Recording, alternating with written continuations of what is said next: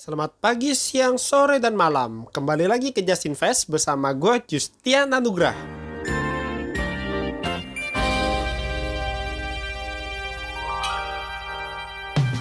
Nah, kali ini kita bakal bahas nih tentang investasi. Kan sering tuh kita dengar invest di A, invest di B, dan sebagainya, dan sebagainya. Tapi masalahnya tahu gak sih kita maksudnya apa? Maksud dari invest itu sendiri? Invest itu ultinya life stealer di Dota, bukan? Bukan itu. Jadi, invest ini adalah suatu cara menanamkan duit yang dilakukan orang, pasti orang sih maksudnya, tapi em, yang dilakukan orang atau perusahaan selama waktu tertentu untuk memperoleh imbal hasil atau cuan bahasanya yang lebih besar di masa yang akan datang bukan di masa lalu Gak bisa move on namanya kalau di masa lalu ingat diputer bukan ditanam di tanah biar jadi pohon tapi kita taruh di aset-aset yang kita yakini bisa ngasilin cuan aset ya ingat diputer ya bukan dijilat atau dicelupin sekali lagi ini diputer bukan diendepin di tabungan, di celengan ayam, ataupun di bawah bantal. Bukan. Nah, kita itu bisa invest ke mana aja sih? Oke, kurang lebih ada 6 investasi yang menghasilkan imbal hasil atau return atau cuan atau terserah yang paling tinggi. Nomor 6 mengagetkan dan mengejutkan. Jadi clickbait. Sebenarnya ini lebih sih dari 6, cuma aku coba rangkum aja lah. Yang pertama, itu properti. Sering kan kita dengar tentang properti, mau tanah, mau bangunan. Paling suka tuh orang-orang tua kalau ngomong tentang properti. Karena kalau misalnya kita bahas tentang investasi, mereka yang ada di pikiran pertama adalah properti. Properti ini orang-orang bilang sih pasti menguntungkan karena tiap tahun katanya sih pasti naik. Selain kita mengandalkan keuntungan dari kenaikan harga properti kita itu, kita juga bisa dapat keuntungan kalau misalnya kita sewain properti kita atau mungkin dibikin kos-kosan gitu-gitu. Tapi masalahnya budgetnya bro, duit yang harus kita siapin untuk properti nggak sedikit. Gitu. Lalu ya selanjutnya ada emas dan logam mulia. Sebenarnya gue rada kurang setuju sih buat masukin emas dan logam mulia ke aset investasi. Di saat orang lain menganggap bahwa emas dan logam mulia itu adalah aset investasi, dari gue sendiri sih menganggap emas dan logia, aduh, logia jadi One Piece. Emas dan logam mulia ini tuh lebih sebagai instrumen pelindung aset ya.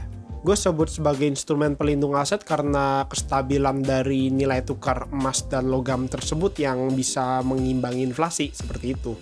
Money heist. Karena kestabilan itu ya nggak kaget kalau misalnya banyak orang juga yang menyimpan emas sebagai instrumen untuk melindungi aset mereka seperti itu. Lalu selanjutnya yang nggak kalah keren adalah reksadana. Jadi reksadana itu adalah wadah dan pola pengelolaan dana atau modal bagi sekumpulan investor untuk berinvestasi dalam instrumen-instrumen investasi yang tersedia di pasar modal dengan cara membeli unit penyertaan reksadana. Teks to Google, hayo bingung. Malah mendadak nge-rap. Um, jadi gini, reksadana itu kasarnya adalah kita kasih duit ke orang, orang itu bernama manajer investasi, dan manajer investasi ini akan mengelola duit kita untuk menghasilkan return atau cuan tersebut. Gitu. Simple kan? Untuk reksadana sendiri dia ada empat jenis. Ada reksadana pasar uang, ada reksadana pendapatan tetap, ada reksadana saham, dan reksadana campuran. Gue ulang, ada pasar uang, pendapatan tetap, saham, ataupun campuran. Gue nanti bikin satu episode aja deh khusus buat reksadana. Oke ya. Lalu selanjutnya ada obligasi. Namanya keren gak tuh? Obligasi. Jadi, obligasi adalah suatu istilah yang digunakan dalam dunia keuangan yang merupakan suatu pernyataan utang dari penerbit obligasi kepada pemegang obligasi berserta janji untuk membayar kembali pokok utang beserta kupon bunganya kelak pada saat tanggal jatuh tempo pembayaran. Teks to Google lagi dan mampus bingung. Oke, jadi simple ya. obligasi itu adalah surat utang.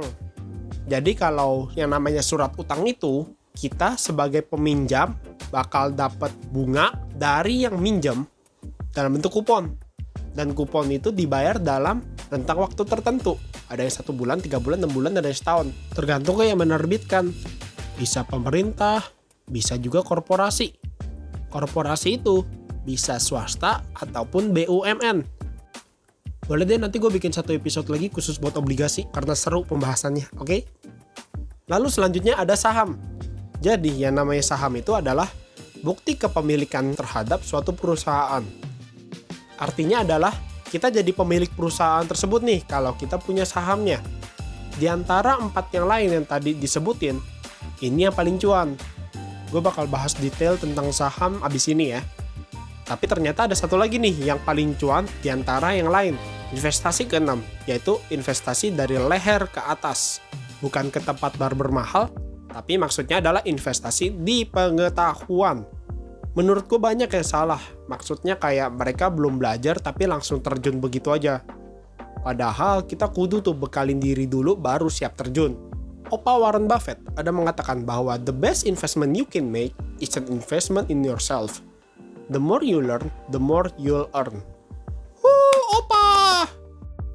Oke, semoga episode ini lumayan menjelaskan ya tentang investasi itu seperti apa dan instrumen-instrumennya itu kurang lebih ada apa aja.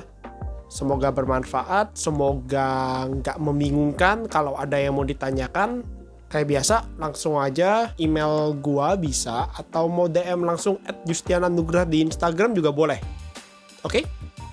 Kita bakal bahas tentang stock market kita di episode selanjutnya. Hope you guys having a great day. Thank you so much for listening and see you in the next episode. 再见。